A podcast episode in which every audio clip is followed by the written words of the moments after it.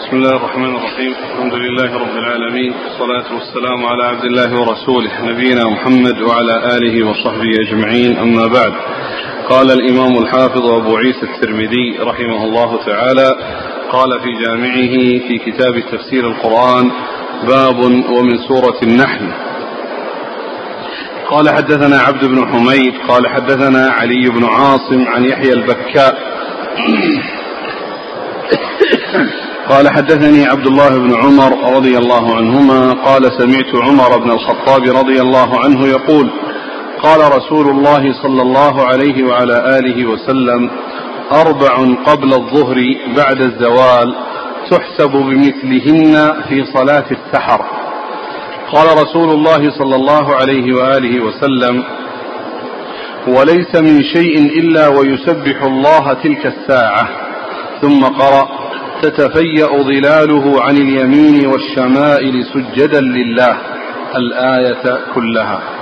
قال أبو عيسى هذا حديث غريب لا نعرفه إلا من حديث علي بن عاصم. بسم الله الرحمن الرحيم الحمد لله رب العالمين وصلى الله وسلم وبارك على عبده ورسوله نبينا محمد وعلى آله وأصحابه أجمعين. أما بعد هذا الحديث عن عمر بن الخطاب رضي الله عنه يتعلق تفسير سورة النحل وقد ورده الترمذي عند قوله عز وجل يتفجأ ظلاله عن اليمين والشمال سجدا لله وقال فيه أن النبي صلى الله عليه وسلم قال أن يعني صلاة أربع ركعات قبل الظهر بعد الزوال تحسب أو أنها مثل مثلها في السحر يعني أن الصلاة في ذلك الوقت يصلي كون الإنسان يصلي أربعا قبل الزوال بعد الزوال وقبل الصلاة آه، تحسب مثلها في صلاة السحر. وذلك أن السحر الصلاة فيه والنافلة فيه أفضل من غيرها. ومن المعلوم أن أفضل صلاة الليل المكتوبة أفضل صلاة التطوع المكتوبة. كما جاء ذلك عن رسول الله صلى الله عليه وسلم. صلاة الليل بعد المكتوبة التطوع. هذا التطوع بصلاة الليل هو أفضل شيء يتنفل به. فالذي يلي الفرائض ويعتبر من أفضل الأعمال في الصلوات هو صلاة الليل. ثم أيضا هو وقت النزول الإلهي الذي يقول الله عز وجل هل من سائل فوطيه هل مستغفر فأغفر له؟ فشبه الصلوات الأربع أو الركعات الأربع في هذا الوقت بصلاة الليل في السحر الذي هو أفضل الأوقات التي يتقرب إلى الله عز وجل فيها بالنوافل في الصلاة. ثم تلا يعني أولم يروا لما خلق الله من شيء يتبين ظلاله عن اليمين والشمال سجدا لله. والحديث في إسناده يحيى البكة وهو ضعيف. فالحديث غير ثابت عن رسول الله صلى الله عليه وسلم لوجود رجل ضعيف في إسناده. أما كون صلاة الليل أنها أفضل من غيرها فقد هذا جاء ما يدل عليه لأن أفضل الصلاة بعد المكتوبة صلاة الليل وأفضل الصيام يعني بعد رمضان شهر شهر الله المحرم. ثبت ذلك عن رسول الله صلوات الله وسلامه وبركاته عليه. نعم. قال حدثنا عبد بن حميد. عبد بن حميد ثقة أخرجه البخاري تعليقا ومسلم و الترمذي والترمذي. عن علي بن عاصم. عن علي بن عاصم هو صدوق يخطئ ويصر أخرجه أبو داود والترمذي وابن ماجه. نعم. عن يحيى البكاء. وهو ضعيف أخرج له. الترمذي وابن ماجه. نعم. عن ابن عبد الله بن عمر. عن عبد الله بن نعم، عمر. عن عبد الله بن عمر رضي الله عنه أحد العبادلة الأربعة وأحد السبعة المكثرين من حديث الرسول صلى الله عليه وسلم. عن عمر بن الخطاب رضي الله عنه أمير المؤمنين وثاني الخلفاء الراشدين الهادي المهديين صاحب المناقب الجمة والفضائل الكثيرة وحديثه عند أصحاب الكتب الستة. أربع قبل الظهر بعد الزوال. نعم. تحسب بمثلهن في صلاة السحر. نعم. قال صلى الله عليه وسلم وليس من شيء إلا ويسبح الله تلك الساعة. يعني اللي هو بعد الزوال. طبعا معلوم أن التسبيح الله عز وجل في كل وقت وفي كل حين. تسبيح الله عز وجل يكون في كل وقت وفي كل حين. ولكن يعني يعني فيه الإشارة إلى تلك الساعة و يعني أهميتها وعظم شأنها لكن الحديث كما عرفنا ضعيف. ثم قرأ تتفيأ ظلاله عن اليمين والشمائل سجدا لله. نعم. معنى, يعني معنى الآية. يعني كان يعني المقصود إيرادها هنا في هذا المكان أن هذا عند الزوال الذي يكون فيه الفيء وتغير الفيء وانتقاله من حال إلى حال. لكن المعنى الصحيح الحديث ضعيف الآن. الحديث ضعيف نعم. لكن, لكن, لكن لا شك أن, أن, أن, أن كل شيء هو لله عز وجل يعني ساجد ومن شيء لا يسبح بحمده. وكل آه، مخلوق الله عز وجل فهو يتعبد الله عز وجل بالعبادة التي آه، آه، فطره عليها أو التي خلقها فيه. نعم. هاتان فائدتان الأولى في تفسير ابن كثير. يقول رحمه الله أخبر سبحانه أن كل ما له ظل يتفيأ ذات اليمين وذات الشمال أي بكرة وعشيا فإنه ساجد بظله لله تعالى. قال مجاهد إذا زالت الشمس سجد كل شيء لله عز وجل. وكذا قال قتادة أقول هذا هو الذي يعني يطابق المقام هذا. كون بعد الزوال إذا, إذا, زالت الشمس نعم سجد, سجد كل شيء لله عز وجل. نعم. وكذا قال قتادة والضحاك وغيرهم. وقال مجاهد سجود كل شيء فيه. وذكر الجبال قال سجودها فيها. سجودها فيها. هكذا. قال مجاهد سجود كل شيء فيه. يعني كان يعني مخلوق فيه. يعني كل شيء سجوده فيه. يعني وكذلك الجبال سجودها فيها. الفائدة الثانية يقول أن الشيخ الألباني رحمه الله في السلسلة الصحيحة 1431 صحح حسن حديثا أربع أربع ركعات قبل الظهر يعدلن أو يعدلن بصلاة السحر. كن شاهد؟ يكون شاهد. إذا كان إذا كان ذاك ثابت فهذا من جنس. لأنه في معنى. تماما. إذا كان ذاك ثابت ذاك ويكون شاهد. لا شك. هذا رقم كم؟ 1431 1431 نعم. أقول إذا ثبت ذاك فهو مثل هذا تماما.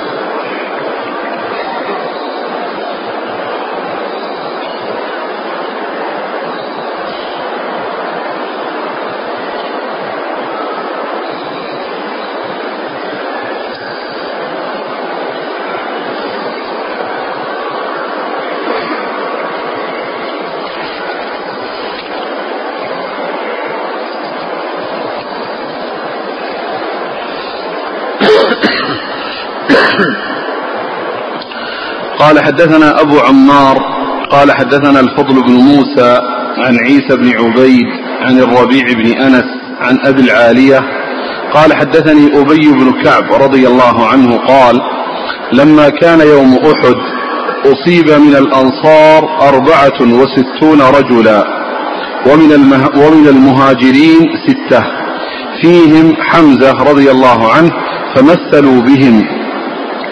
فقالت الأنصار لئن أصبنا منهم يوما مثل هذا لنربين عليهم.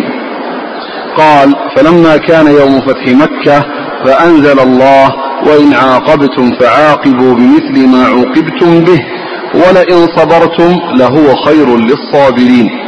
فقال رجل لا قريش بعد اليوم. فقال رسول الله صلى الله عليه وعلى آله وسلم كفوا عن القوم إلا أربعة. قال هذا حديث حسن غريب من حديث أبي بن كعب. ثم ورد أبو عيسى هذا الحديث عن عن أبي بن كعب. عن أبي بن كعب رضي الله عنه أن أن أن أن, أن الأنصار لما كان يوم أحد آه، قتل منهم أربعة وستون ومن المهاجرون ستة والمجموع سبعون. هؤلاء الذين قتلوا من المسلمين يوم أحد. و الأنصار قالوا لئن مكننا الله منهم أي من قريش لنربين عليهم يعني أنهم آه، يزيدون عليهم في النكاية وفي العقوبة اقتصاصا أو آه، آه، لهذا الذي حصل منهم لأصحابهم الذين هم يبلغون أربعة وستين. فلما كان في مكة وجاء فتح مكة ومكة فتحت عنوة وكان أرادوا أنهم يحققون أن يحققوا الشيء الذي عزموا عليه والشيء الذي قالوه يوم أحد. وقال بعضهم لا قريش بعد اليوم يعني معناه أنهم يستأصلون ويقضى عليهم. فنزلت وإن عاقبتم فعاقبوا مثل ما عوقبتم به ولئن صبرتم لهو خير للصابرين. لأن العقوبة هي على قدر ال على قدر الجناية وأنه لا يزاد على ذلك. ومع ذلك فإن الصبر وعدم المعاقبة أولى من المعاقبة. قال الله عز وجل وإن عاقبتم فعاقبوا مثل ما عوقبتم به. وهذا هو العدل. ولئن صبرتم فهو خير الصابرين. هذا هو الإحسان. ولهذا يأتي كثيرا في القرآن الإشارة إلى آه، جواز المؤاخذة والاقتصاص في حدود ما هو آه، سائغ وأن الاعتداء لا يجوز وأن الصبر أولى من المؤاخذة كما جاء في هذه الآية وفي الآية الأخرى وإن كان ذو عسرة فنظرة إلى ميسرة وأن تصدقوا خير لكم وإن كان ذو عسرة فنظرة إلى ميسرة وأن تصدقوا خير لكم لأن التصدق هو الإحسان. وأما يعني الإنظار فهو العدل والإحسان. ف فنزلت الآية والرسول صلى الله عليه وسلم قال انه إنه آه، يكف عنهم جميعا إلا أربعة فإن هؤلاء يقتلون ولا يدخلون في المنع من من القتل. الحاصل ان ان الايه أن المصنف ذكرها عند الآية في سورة النحل في ختامها وإن عاقبتم فعاقبوا مثل ما عاقبتم به ولئن صبرتم له خير للصابرين وأن هذا سبب نزولها وأن المؤاخذة آه، سائغة لأن هذا عدل في حدود آه، المعاقبة بالمثل وإما الزيادة على ذلك فليس الإنسان يزيد وأما كونه يعفو ويصفح ويتجاوز فهذا هو الأفضل وهذا هو الأكمل. نعم. قال حدثنا أبو عمار. أبو عمار الحسين بن حريث هو ثقة أخرج اصحاب في الستة إلا ابن ماجه. عن الفضل بن موسى وهو السيناني ثقة أخرج أصحاب في الستة. عن عيسى بن عبيد هو صدوق أبو داود والترمذي والنسائي. نعم. عن الربيع بن أنس وهو صدوق له أوهام أخرج له أصحاب السنن. نعم. عن أبي العالية وهو رفيع الرياحي آه، آه، أخرج له أصحاب في الستة. عن أبي بن كعب رضي الله عنه أخرج أصحاب في الستة.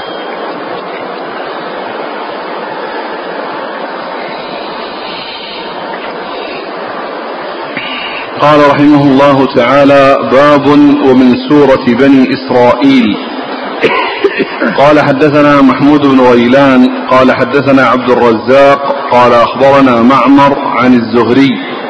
قال أخبرني سعيد بن المسيب عن أبي هريرة رضي الله عنه أنه قال قال رسول الله صلى الله عليه وعلى آله وسلم حين أسري بي لقيت موسى. قال فنعته فإذا رجل حسبته قال مضطرب رجل الرأس كأنه من رجال الشنوءة قال ولقيت عيسى قال فنعته قال ربعة أحمر كأنما خرج من ديماس يعني الحمام. ورأيت إبراهيم قال وأنا أشبه ولده به. قال وأتيت بإناءين أحدهما لبن والآخر خمر. فقال لي خذ أيهما شئت. فأخذت اللبن فشربته فقيل هديت الفطرة أو أصبت الفطرة. أما إنك لو أخذت الخمر غوت أمتك.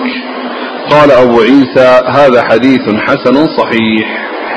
ثم ورد أبو عيسى الأحاديث المتعلقة بسورة الإسراء. وهي سورة بني إسرائيل قال لها سورة بني إسرائيل. وورد في هذا الحديث عن أبي هريرة رضي الله عنه آه، في وصف الرسول صلى الله عليه وسلم للأنبياء ثلاثة من الأنبياء رآهم في الإسراء لما أسري به عليه السلام وعرج به إلى السماء فإنه رآهم. وقد وصف هؤلاء الثلاثة. وقال عن موسى الأول موسى. صنعته فإذا رجل موسى. نعم نعم. نعم وإذا رجل مضطرب. قيل مضطرب معناه أنه طويل ليس بالطويل البائن. وقيل أنه خفيف اللحم. أنه خفيف اللحم. نعم مضطرب. رجل الرأس. رجل الرأس يعني ضد الجعد الذي شعره مسترسل ليس منكمش لأن الشعر ينقسم إلى قسمين. جعد ورجل. فالرجل هو المسترسل الذي ليس فيه تجعد وانكماش وأما الجعد هذا هو الذي فيه يعني شيء من الانكماش فهو رجل رجل الشعر يعني شعره مسترسل. شعره مسترسل. هذه صفة موسى عليه الصلاة والسلام. قال ورأيت كأنه من رجال شنوءة. من رجال شنوءة وهم جماعة من الأزد من أزد شنوءة من اليمن. يعني كان كانوا على هذا الوصف الذي آه فيهم الطول الذي هو غير البائن وكذلك يعني كون آه آه مضطرب إيش بعدين؟ مضطرب. مضطرب رجل الرأس. رجل رجل الرأس يعني شعره مسترسل كأنه من رجال شنوان نعم.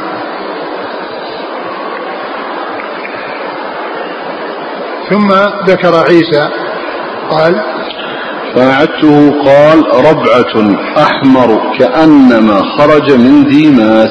ربعة يعني متوسط ليس بالطويل ليس بالطويل ولا بالقصير مثل وصف الرسول صلى الله عليه وسلم كان ربعة ليس بالطويل البائن ولا بالقصير عليه الصلاة والسلام. وعيسى كان ربعة. و وأحمر يعني في حمرة كان ما خرج من ديماس يعني لصفائه ونقائه والدماس هو الحمام يعني أنه آه، آه، في غاية النظافة وفي غاية الوضاعة. نعم. ورأيت إبراهيم وأنا أشبه ولده به. ورأيت إبراهيم وأنا أشبه ولده به.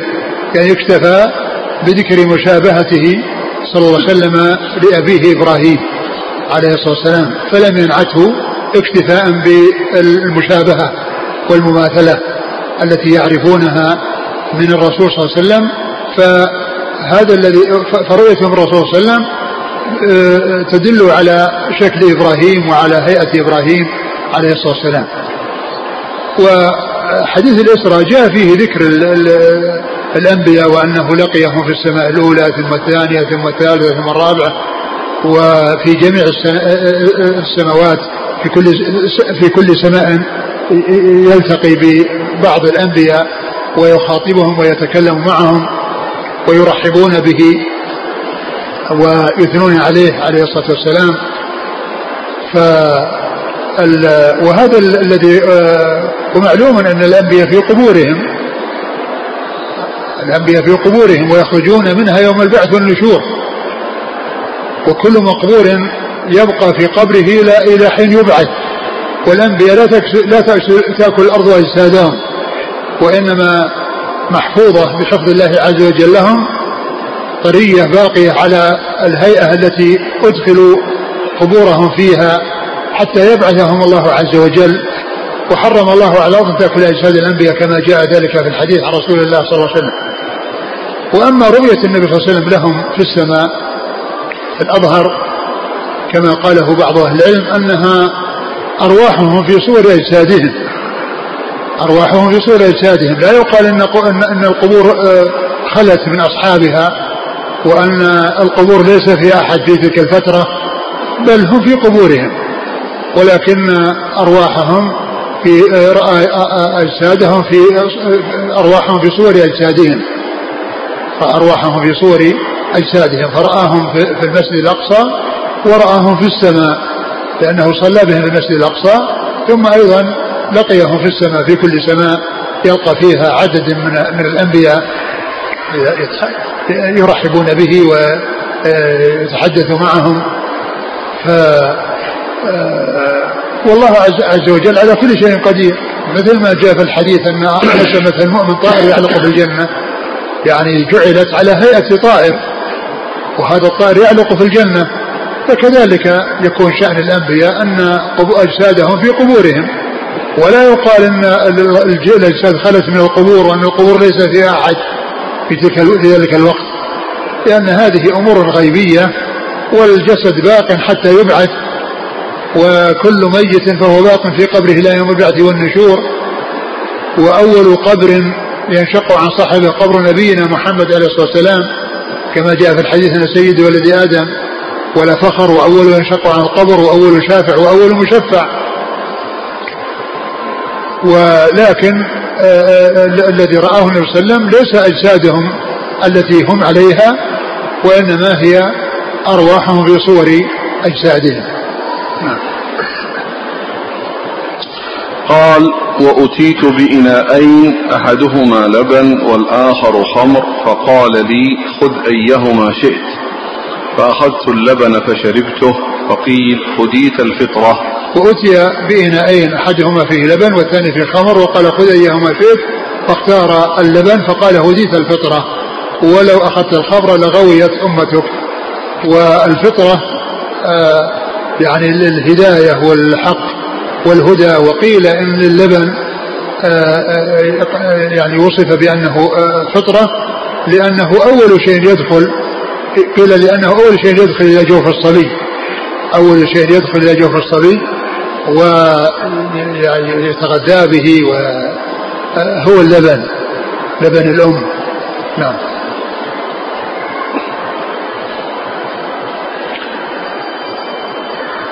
قال حدثنا محمود بن غيلان. ثقة أخرج أصحابه في ستة إلا أبا داود. عن عبد الرزاق. ابن همام الصنعاني اليماني ثقة أخرج أصحابه في الستة. عن معمر. معمر بن راشد الأزدي البصري ثم اليماني ثقة أخرج أصحابه في الستة. عن الزهري. محمد بن مسلم بن شهاب. محمد بن مسلم بن عبيد الله محمد بن مسلم آه، بن شهاب الزهري آه، ثقة أخرج حديث أصحابه في الستة. عن سعيد بن المسيب. وهو ثقة أخرج حديث أصحابه في الستة. عن أبي هريرة. عبد الرحمن بن صخر الدوسي أكثر الصحابة حديثا.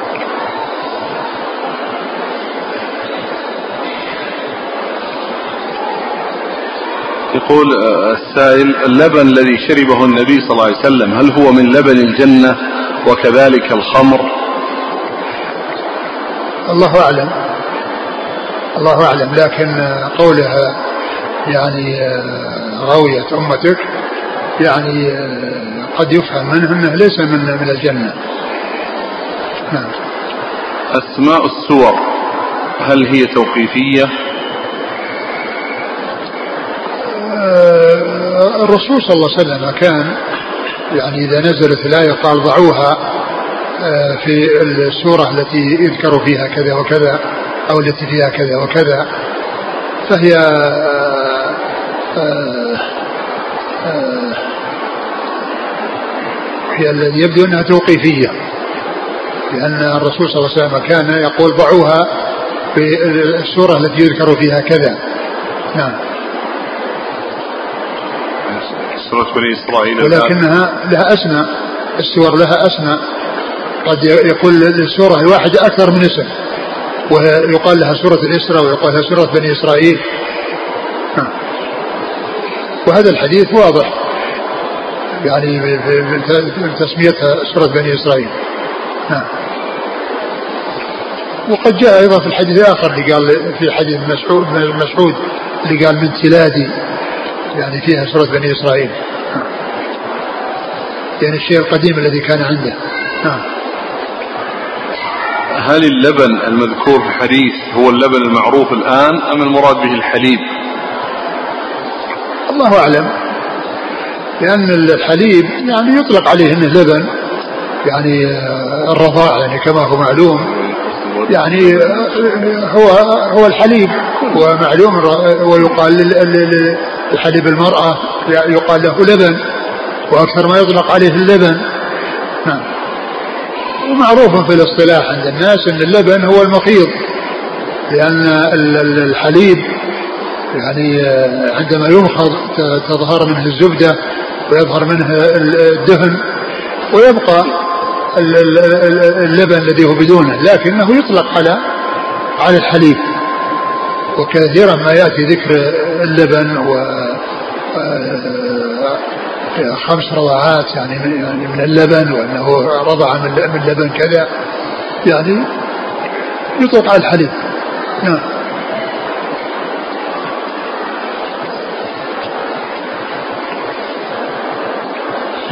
قال حدثنا إسحاق بن منصور قال أخبرنا عبد الرزاق قال أخبرنا معمر عن قتادة عن أنس رضي الله عنه.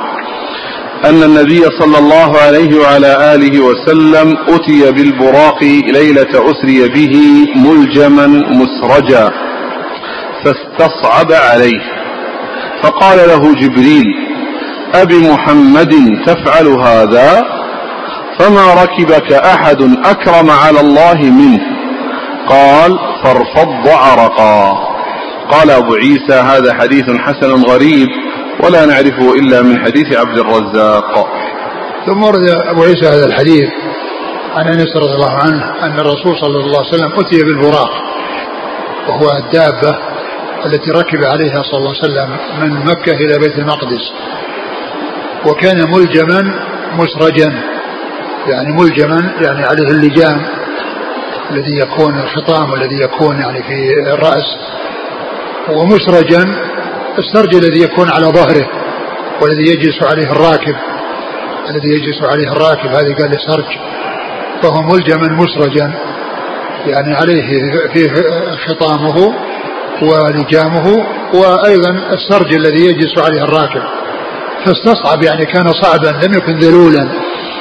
يعني آه، فيه صعوبة مثل مثل ما يقال الصعب والذلول لأن الإبل منها ما هو صعب يعني فيه نفار وفيه شدة ومنها ما هو مذلل سهل الانقياد.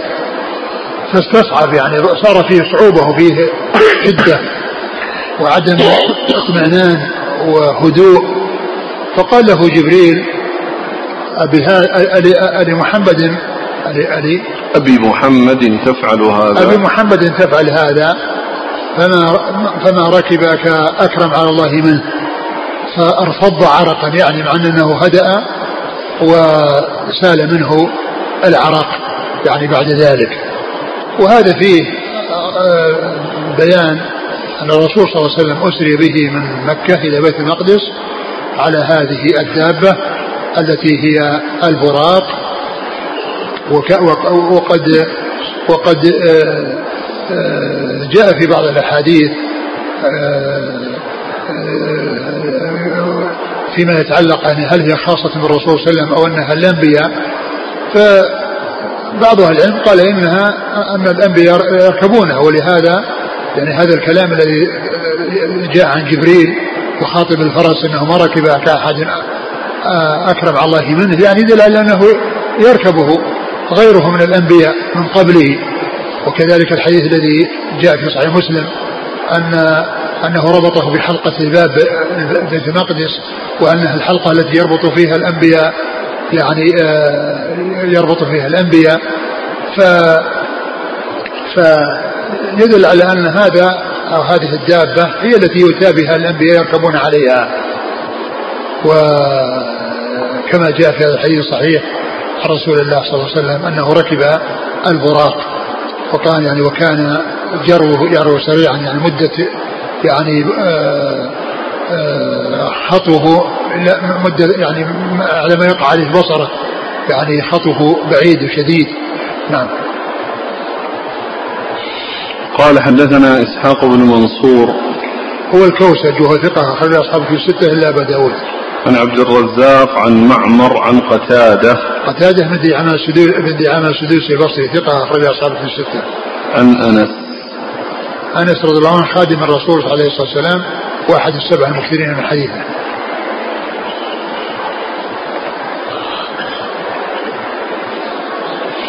قال حدثنا يعقوب بن إبراهيم الدورقي قال حدثنا أبو تميلة عن الزبير بن جنادة عن عن ابن بر عن ابن بريدة عن أبيه رضي الله عنه أنه قال قال رسول الله صلى الله عليه وعلى آله وسلم لما انتهينا إلى بيت المقدس قال جبريل بإصبعه فخرق بها الحجر وشد به البراق. قال أبو عيسى هذا حديث حسن غريب. ثم ذكر أبو عيسى هذا الحديث عن بريدة بن حصين رضي الله عنه أن أنهم لما وصلوا إلى بيت المقدس هو جبريل ومعهم البراق أنه قال بإصبعه هكذا أي جبريل وخرق الحجر وربطوا البراق به يعني بهذا الخرق أو بهذا المكان الذي خرق في الحجر. وقد جاء في صحيح مسلم أنهم ربطوا بحلقة الباب وهي الحلقة التي يربط فيها يربط فيها الأنبياء. نعم. قال حدثنا يعقوب بن إبراهيم. الحديث أصح من هذا لأن هذا فيه بعض رواته فيهم كلام. والترمذي حسنه. نعم. آه، مع أنها يعني هذه اللفظة ترى عندنا هنا ولا في آه، تحفة الأحوذي و آه، تحفة الأشباط. إنما قال عنه غريب فقط كلمة غريب دون حسن. نعم. نعم. قال حدثنا يعقوب بن إبراهيم الدورقي. هو الدورقي وهو ثقة. يعقوب بن إبراهيم الدورقي ثقة وهو شيخ لأصحاب الكتب الستة. كلهم روى عنه مباشرة وبدون واسطة. وهو أحد شيوخ ثلاثة ماتوا في سنة واحدة لأصحاب الكتب الستة. وهم محمد بن بشار ومحمد بن مثنى ويعقوب بن إبراهيم الدورقي. هؤلاء ثلاثة من شيوخ أصحاب الكتب الستة. وقد ماتوا في سنة واحدة وهي 252 قبل وفاة البخاري بأربع سنوات. فهم من صغار شيوخ البخاري. وماتوا قبله بأربع سنوات وكانوا شيوخا لأصحاب الكتب الستة وماتوا جميعا في سنة واحدة. عن أبي تميلة عن أبي تميلة وهو يحيى بن واضح. نعم. وهو ثقة أخذ له. أصحاب الكتب. نعم. عن الزبير بن جنادة. وهو؟ مقبول. أخرج له الترمذي. نعم. عن ابن بريدة. هو عبد الله بن بريدة. وهو ثقة أخرج أصحاب الكتب الستة. عن أبيه أبوه بريدة بن حصيب رضي الله عنه أخرج أصحاب الكتب الستة. قال حدثنا قتيبة قال حدثنا الليث عن عقيل عن الزهري عن أبي سلمة عن جابر بن عبد الله رضي الله عنهما أن رسول الله صلى الله عليه وعلى آله وسلم قال لما كذبتني قريش قمت في الحجر فجلى الله لي بيت المقدس. فطفقت أخبرهم عن آياته وأنا أنظر إليه. قال أبو عيسى هذا حديث حسن صحيح. وفي الباب عن مالك بن صعصعة وأبي سعيد وابن عباس رضي الله عنهم. وفي بعض النسخ الأخرى وأبي ذر وابن مسعود. وأبي ذر وابن مسعود. وهذا الحديث آه عن النبي صلى الله عليه وسلم أنه لما كذبته قريش وطلبوا منه أن يصف لهم بيت المقدس وهم يعرفون السماء ما طلبوا منه لأنهم ما يعرفون السماء حتى لو وصفها لهم ولكن ولكنهم يعرفون بيت المقدس. فطلبوا منه أن يعني آه كذبوه. فالله عز وجل جلاله بيت المقدس حتى صار كان بين يديه. فصار ينظر إليه ويصفه لهم على هيئته. وهذا من معجزات الرسول صلى الله عليه وسلم وإكرام الله عز وجل له في إسرائه إليه وعروجه إلى السماء. وكذلك أيضا في كون بيت المقدس جلي له حتى صار بين يديه ينظر إليه ويصفه على هيئته التي هو عليها. ويصفه على هيئته التي هو عليها. فهم آه، سألوه عن أن يصفه لهم وهم يعرفونه.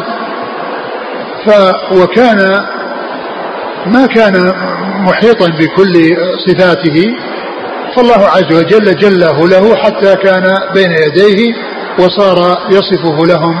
صلوات الله وسلامه وبركاته عليه مما بين لهم صدقه وأنه صادق فيما يقول ولكنهم مستمرون على كفرهم وعلى عنادهم وعلى تكذيبهم بالرسول صلى الله عليه وسلم كما قال الله عز وجل عنهم ولو فتحنا عليهم باب من السماء فظلوا فيه يعرجون فقالوا إنما سكرت أبصارنا بل نحن بل نحن قوم مسحورون. نعم. وهذا من شدة عنادهم مع معرفتهم للحقيقة ووصول الحقيقة إليهم ووصفه بيت المقدس على هيئة التي يعرفونها ومع ذلك ما نفعهم ذلك. نعم. قال حدثنا قتيبة. قتيبة بن سعيد ثقة أخرج أصحاب في الستة. عن الليث. الليث بن سعد ثقة أخرج أصحاب في الستة. عن عقيل. عقيل بن خالد بن عقيل ثقة أخرج أصحاب في الستة. عن الزهري عن أبي سلمة. أبو سلمة بن عبد الرحمن بن عوف ثقة أخرج أصحاب في الستة. عن جابر بن عبد الله. رضي الله عنهما وهو أحد السبعة المكثرين من حديث رسول الله صلى الله عليه وسلم. وفي الباب عن مالك بن صعصعة. أخرج له. البخاري ومسلم والترمذي والنسائي. نعم. وأبي سعيد. أبو سعيد الخدري من أكثر الصحابة حديثا. وابن عباس. وابن عباس كذلك. وأبي ذر وابن مسعود. وأبو ذر وأبو ذر وابن مسعود. مسعود أخرج أصحابه في الستة وأبو ذر أخرج أصحابه في الستة وهو جندب بن جنادة رضي الله عنه.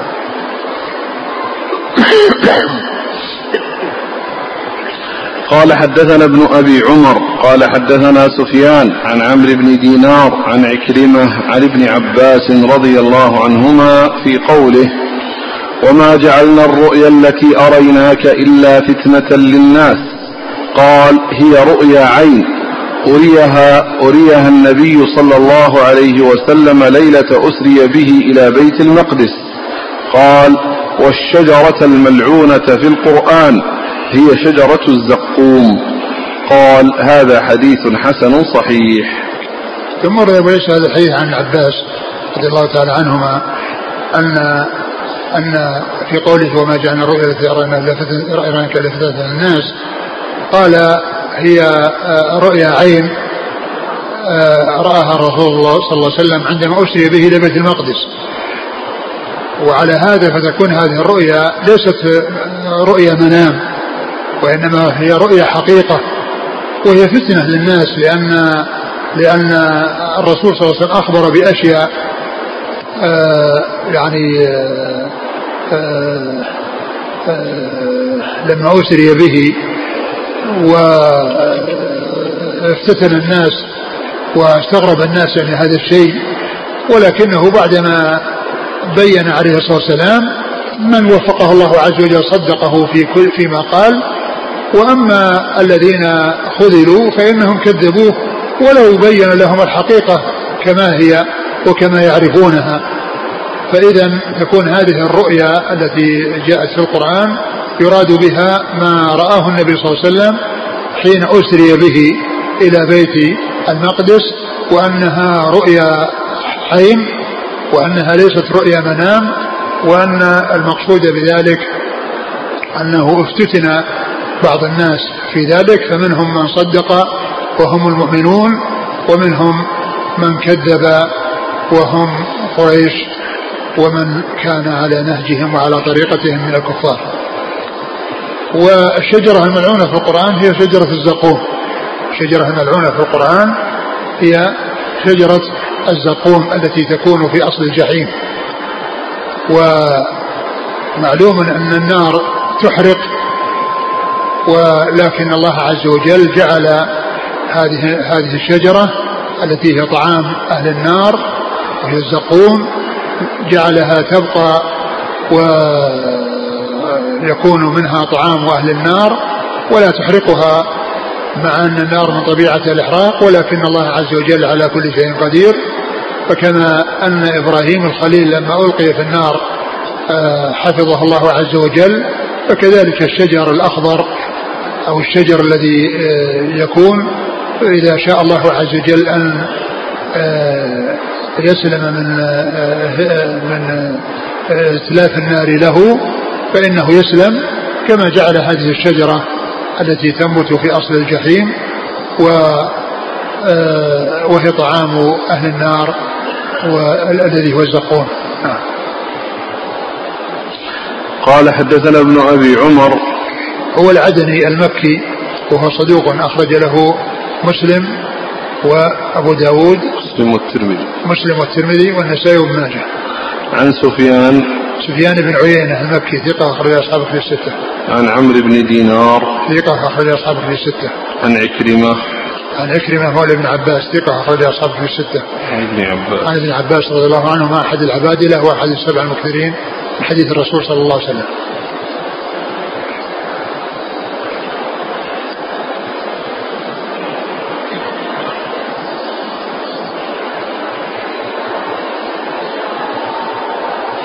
يقول آه، حفظك الله.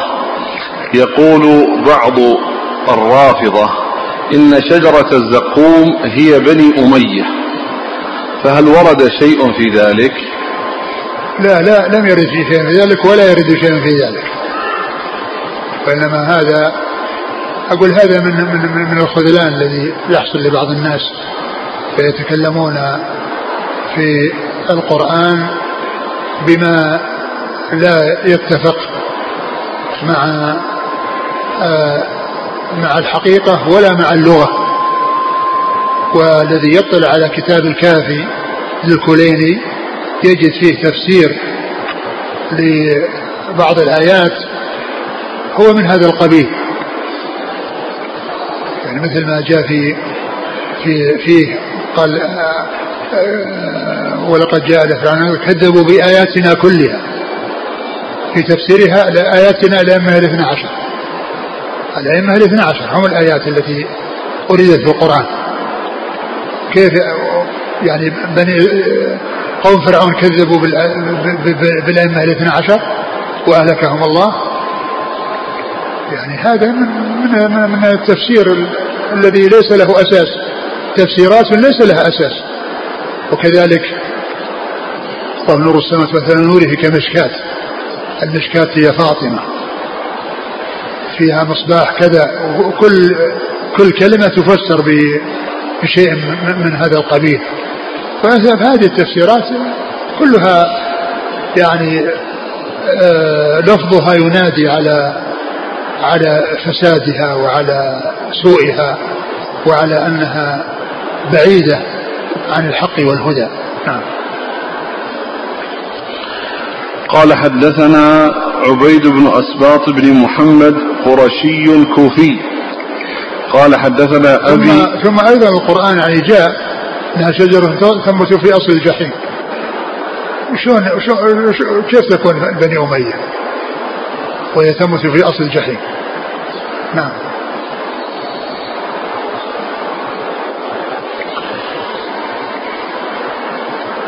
الظاهر عشان طلعوها كأنه رؤوس الشياطين. نعم. هم قالوا كذا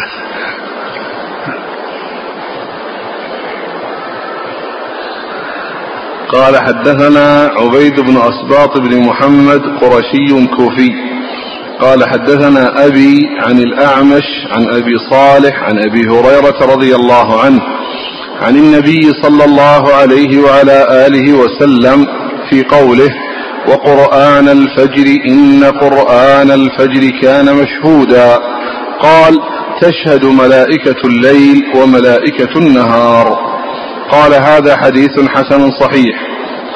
وروى علي بن مسهر عن الأعمش عن أبي صالح عن أبي هريرة وأبي سعيد رضي الله عنهما عن النبي صلى الله عليه وآله وسلم نحوه. حدثنا بذلك علي بن حجر قال حدثنا علي بن مسهر عن الأعمش فذكر نحوه.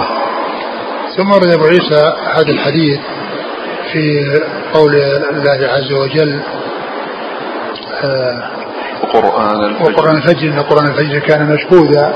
قال تشهده ملائكة الليل وملائكة النهار. وكما جاء في الحديث الآخر الصحيح يتعاقبون فيكم ملائكة بالليل وملائكة بالنهار. ويجتمعون في صلاة الفجر وصلاة العصر. فهنا يعني مشهودة تشهد تشهده الملائكة. تحضره الملائكة تشهده الملائكة وهم ملائكة الليل وملائكة يعني يتعاقبون. فيلتقي هؤلاء الذين جاءوا والذين سيغادرون. يلتقون في صلاة الفجر كما يلتقون في صلاة العصر كما جاء في حديث آخر صحيح يتعاقبون فيكم. يتعاقبون فيكم ملائكة بالليل وملائكة بالنهار ويجتمعون في صلاة العصر صلاة الفجر وصلاة العصر. فقال مشهود أن تشهده الملائكة. فإذا هذا الشهود الذي جاء في القرآن المراد به شهود الملائكة هي التي تشهده وتحضره. نعم. قال حدثنا عبيد بن أسباط بن محمد قرشي. هو صدوق خرج البخاري في القراءة والترمذي وابن ماجه. نعم. عن أبيه. نعم. ثقة أخرج أصحاب الكتب. نعم. عن الأعمش. هو سليمان بن مهران الكاهلي ثقة أخرج أصحابه في الستة. عن أبي صالح. وهو ذكوان السمان ثقة أخرج أصحابه في الستة. عن أبي هريرة. نعم. قال وروى علي بن مسهر. علي مسهر هو ثقة أخرج له. أصحاب الكتب. أصحاب الكتب. نعم. نعم. عن الأعمش عن أبي صالح عن أبي هريرة وأبي سعيد. حدثنا قال حدثنا بذلك علي بن حجر. علي بن حجر بن إياس السعدي هو ثقة حديث البخاري ومسلم والترمذي والنسائي.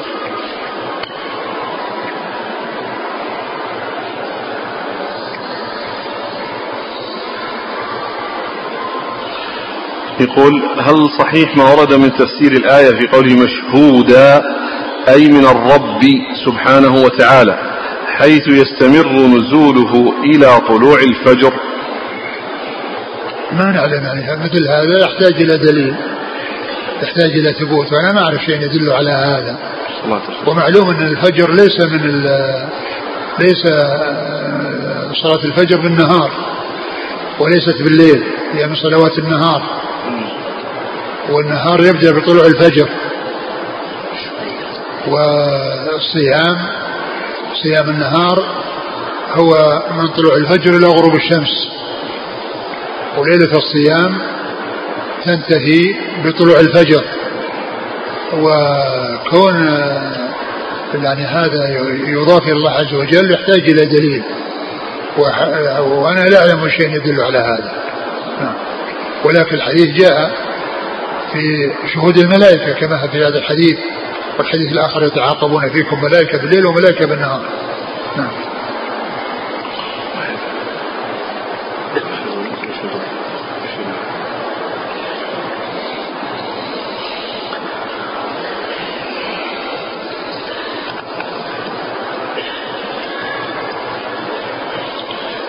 قال حدثنا عبد الله بن عبد الرحمن قال أخبرنا عبيد الله بن موسى عن إسرائيل عن السدي عن أبيه عن أبي هريرة رضي الله عنه عن النبي صلى الله عليه وعلى آله وسلم في قول الله يوم ندعو كل أناس بإمامهم.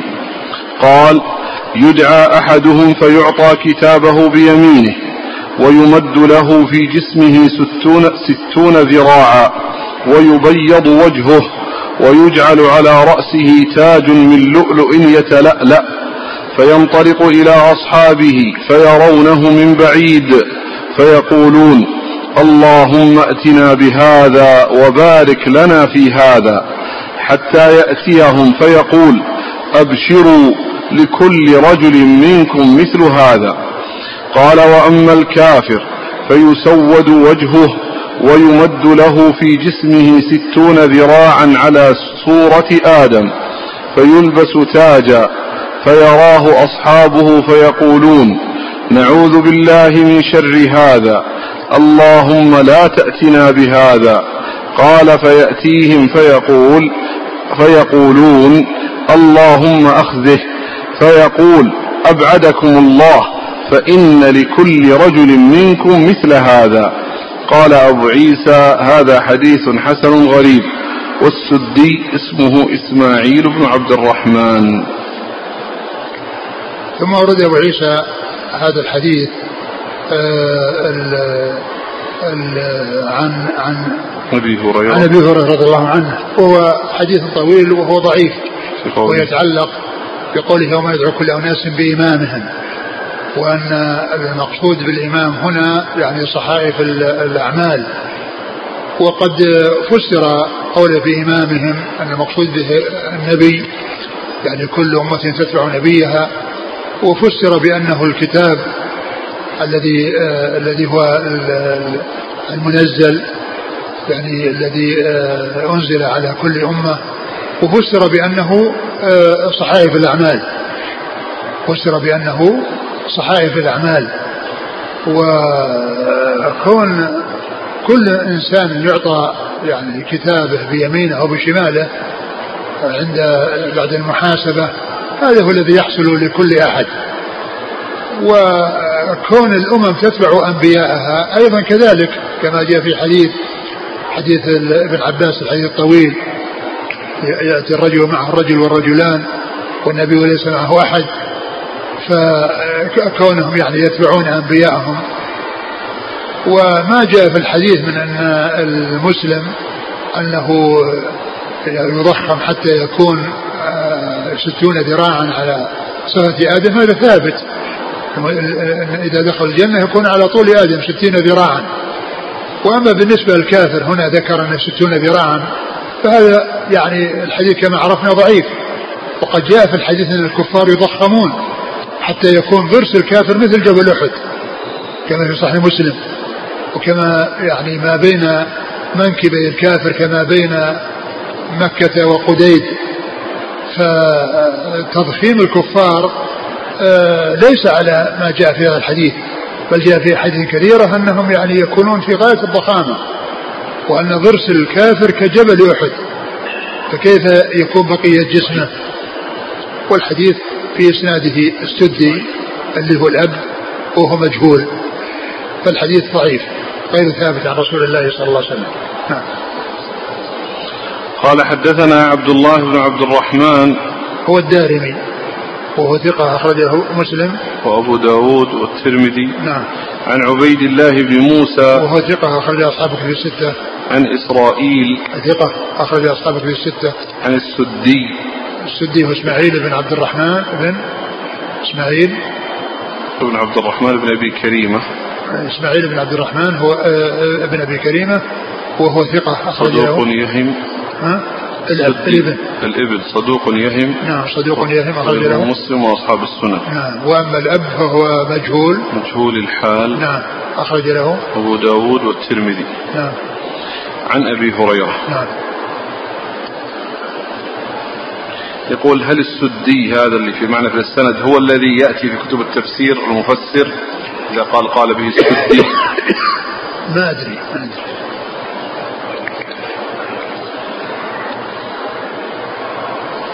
ما أدري أيهما.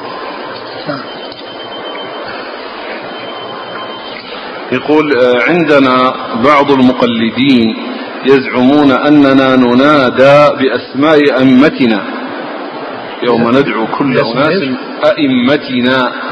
يوم ندعو كل أناس بإمامهم. أما غير المقلدين كالسلفيين فلا ينادون. أقول هذا من عجائب الزمان. يعني قبل أن يأتي الأئمة الأربعة كيف ينادون؟ الإمام أبو حنيفة أول الأئمة الأربعة ولد سنة ثمانين. قبل سنة ثمانين كيف ينادي الناس؟ ينادون بإيش؟ يعني هذا الحقيقة من من من من, من التعصب. وإذا كان صدر من أحد فإنه يعني يدل على سوءه وعلى يعني تفسيره للقرآن بغير حقيقته لأن معلوم الأئمة الأربعة رحمة الله عليهم هم من أئمة المسلمين وغيرهم كذلك أئمة. وكل واحد منهم يحرص على اتباع الدليل ويرشد إلى اتباع الدليل ويرشد إلى اتباع الدليل. وأما التعصب المقيت هذا هو المذموم الذي لا يصلح. ولهذا الناس بين في الأئمة الأربعة بين يعني بين طرفي نقيض فيهم من يغلو وفيهم من يجفو فالجفاء مذموم والغلو مذموم والحق وسط بين الإفراط والتفريط. فلا يغلى في الأئمة بأن يقال فيهم مثل هذا الكلام ولا يجفى فيهم بأن يتكلم فيهم بسوء و يعني ولا يقدرون ويعظمون التعظيم المناسب لهم. وإنما الواجب هو الاعتدال والتوسط فيرفعون عما إلى ما لا يستحقون ولا ينقصون عما يستحقون كما قال الطحاوي في عقيدة السنة وعلماء السلف من السابقين ومن بعدهم وغيرهم من اللاحقين أهل الخبر والأثر وأهل الفقه والنظر لا يذكرون إلا بالجميل ومن ذكرهم بسوء فهو على غير السبيل. فالغلو مذموم والجفاء مذموم والحق وسط بين هذا وهذا والحق وسط بين هذا وهذا. الحاصل أن أن مثل هذا الكلام يعني من أسوأ الكلام وتفسير للقرآن في آه، شيء لا وجه له إطلاقا ومعلوم أن المقصود بالإمام إما الرسول وإما الكتاب لأن الإمام يقال الكتاب يقال له إمام ومن قبله كتاب موسى إماما ورحمة. وأطلق على كتاب موسى بأنه إمام. وكذلك أيضا صحائف الأعمال أيضا كذلك يعني آه والتفسير هو في هذه الأمور الثلاثة. أما ذكر الأئمة الأربعة فهذا كلام في غاية السقوط. ويشبه هذا يعني أن مكة قبل زمن الملك عبد العزيز رحمة الله عليه كان فيها مقامات للأئمة الأربعة والناس متفرقين عند الكعبة. الحنفية يصلون على حدة والمالكية على حدة. والشافعية على حدة والحنابلة على حدة وكل له مقام حول الكعبة. ويصلي هؤلاء مبكرين وهؤلاء متأخرين ومتفرقين حول الكعبة. فلما جاء الملك عبد العزيز رحمة الله عليه من أعظم حسناته أنه قضى على هذا التفرق وحدهم على إمام واحد. ويذكر الشيخ تقي الدين الهلالي رحمه الله أن بعض المتعصبين قال لشخص من, من, من ليس من أهل التعصب وإنما هو من أهل الاتباع. قال يعني يقول هذا المتعصب الدليل أنكم لستم على حق أنكم ليس لكم مقام عند الكعبة. أنكم ليس لكم مقام المقام أربعة مقامات موجودة عند الكعبة. هذه فقال يكفي, يكفي المسلمين جميعا يكفيهم مقام واحد وهو مقام إبراهيم. يكفيهم مقام واحد وهو مقام إبراهيم. فالتعصب يعني أحيانا يأتي بأشياء مضحكة. نعم.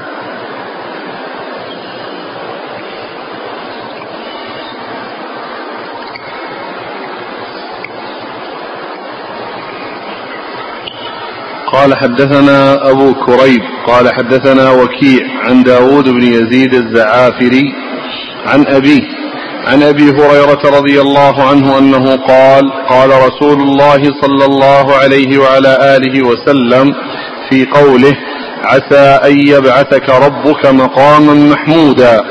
وسئل عنها قال هي الشفاعة. قال أبو عيسى هذا حديث حسن وداود الزعافري هو داود الأودي ابن يزيد بن عبد الرحمن وهو عم عبد الله بن إدريس. عندكم في النسخة هذه عبد الله؟ نعم. نعم. يعني هو عبد الله بدل عبد الرحمن بدل عبد الله. وكذلك الزعافري أيضا هي أيضا فيها خطأ. يعني الزغافري بالغين ومرة مضمومة الزاي ومرة منصوبة وهي كلها خطأ وإنما الصواب الزعافري وهو داود ابن آه، داود بن يزيد. بن عبد الرحمن وليس ابن عبد الله وهو ضعيف. قال فيه؟ نعم سيأتي ضعيف نعم نعم, نعم. حديث أبي هريرة قال صلى الله عليه وسلم في قول عسى أن يبعثك ربك مقاما محمودا قال هي الشفاعة نعم. يعني ذكر هذا في تفسير هذه الآية وأنها الشفاعة ولا شك أنها هي الشفاعة لأن المقام المحمود هو الشفاعة وهذا أحسن ما قيل فيها. وقد جاء في ذلك حديث تدل عليه. والشفاعة العظمى هي المقام المحمود وسمي يعني مقاما محمودا لأنه يحمد عليه الأولون والآخرون. لأن الكل استفاد من شفاعته صلى الله عليه وسلم وهي الشفاعة في تخليص الناس من الموقف حيث يأتون إلى أولي العزم من الرسل يأتون إلى آدم أولا ثم إلى إلى إلى أولي العزم من الرسل الذين هم نوح ثم إبراهيم ثم موسى ثم عيسى وكل واحد يعتذر حتى تنتهي إلى نبينا محمد صلى الله عليه وسلم فيقول أنا لها فيشفع ويشفعه الله. و يأتي الله عز وجل لفصل القضاء وينتهي الناس من ذلك الموقف و وقيل له مقام محمود لأنه يحمد عليه الأولون والآخرون.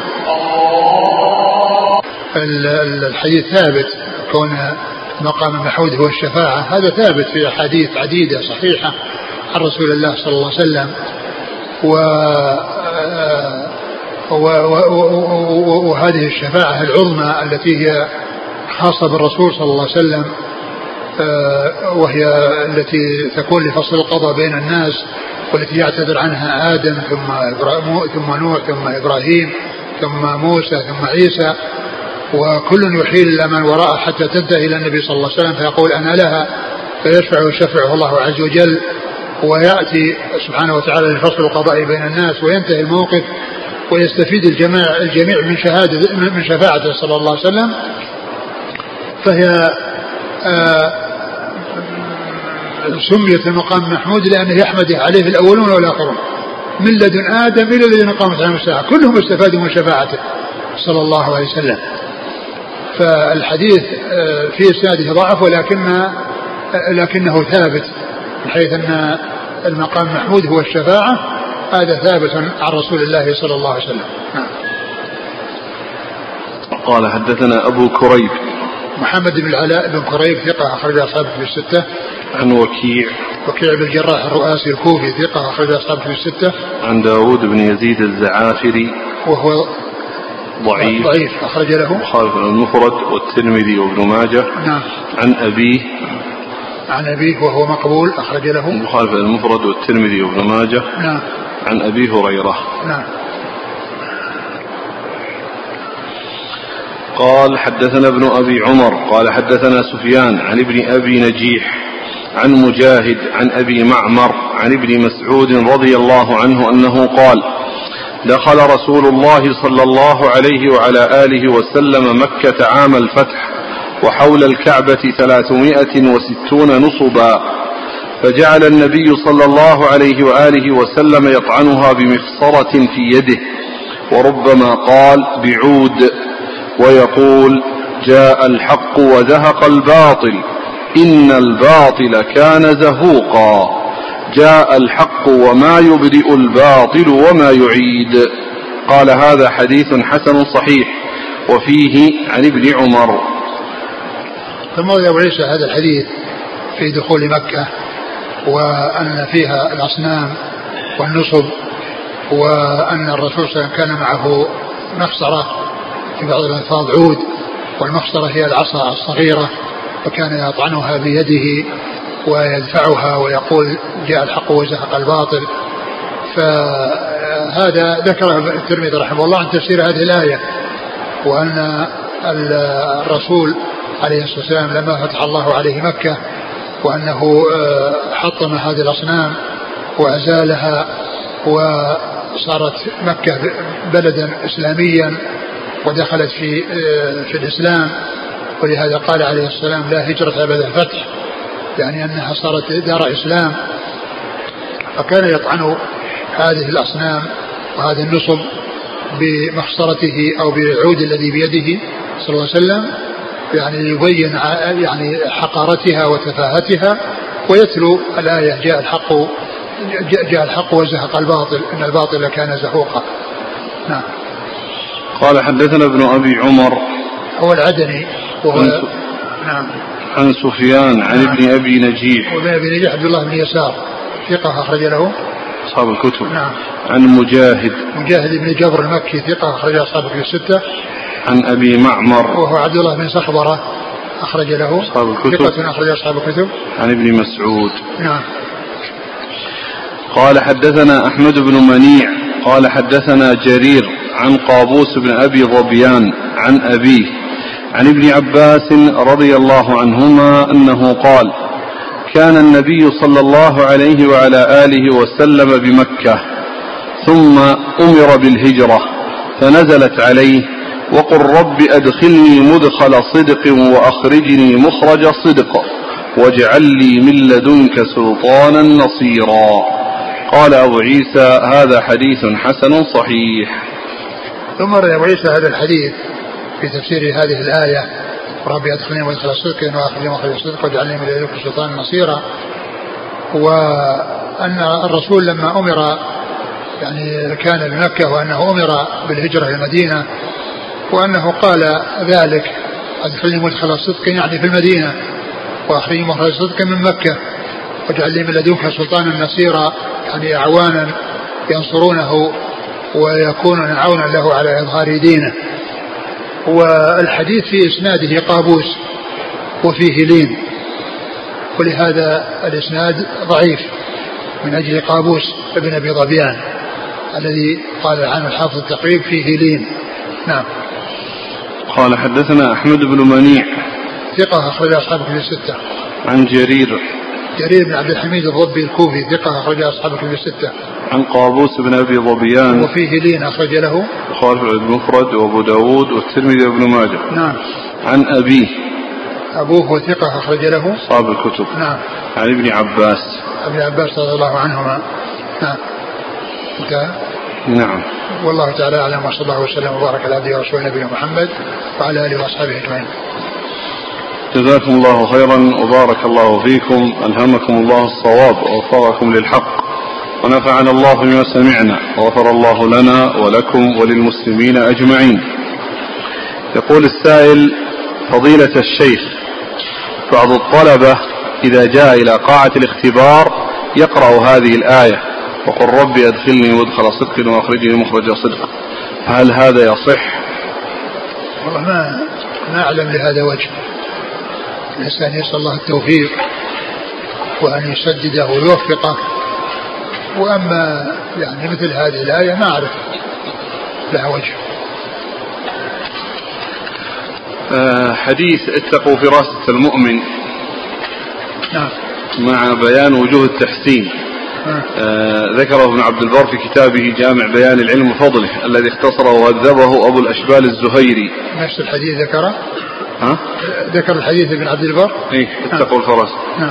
قال أخبرنا عبد الوارث قال حدثنا قاسم قال حدثنا أحمد بن زهير قال حدثنا يحيى بن معين قال حدثنا عبد الله بن صالح قال حدثنا معاوية بن صالح عن راشد بن سعد عن أبي أمامة عن النبي صلى الله عليه وآله وسلم قال اتقوا فراسة المؤمن فإنه ينظر بنور الله يريد العالم الفاضل.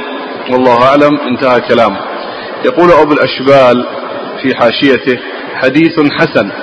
وقد روي من حديث أبي سعيد الخدري وأبي هريرة وعبد الله بن عمر وثوبان رضي الله عنهم بأسانيد شديدة شديدة الضعف. أما حديث أبي أمامة فأخرجه الطبراني في الكبير وابن عدي في الكامل والخطيب في التاريخ وأبو نعيم في الحلية من طرق عن عبد الله بن صالح كاتب الليث به. قال الهيثمي في المجمع رواه الطبراني وإسناده حسن. وقال ابن عدي ولا أعلم يرويه عن راشد غير معاوية بن صالح وعن معاوية أبو صالح. وعنده عن معاوية بن صالح نسخة كبيرة. وهي عندي وهو عندي مستقيم الحديث إلا أنه يقع في حديثه في أسانيده ومتونه غلط ولا يتعمد الكذب وقد روى عنه يحيى بن معين. وقال السيوطي في اللآلئ فإنه بمفرده على شرط الحسن وعبد الله بن صالح لا بأس به.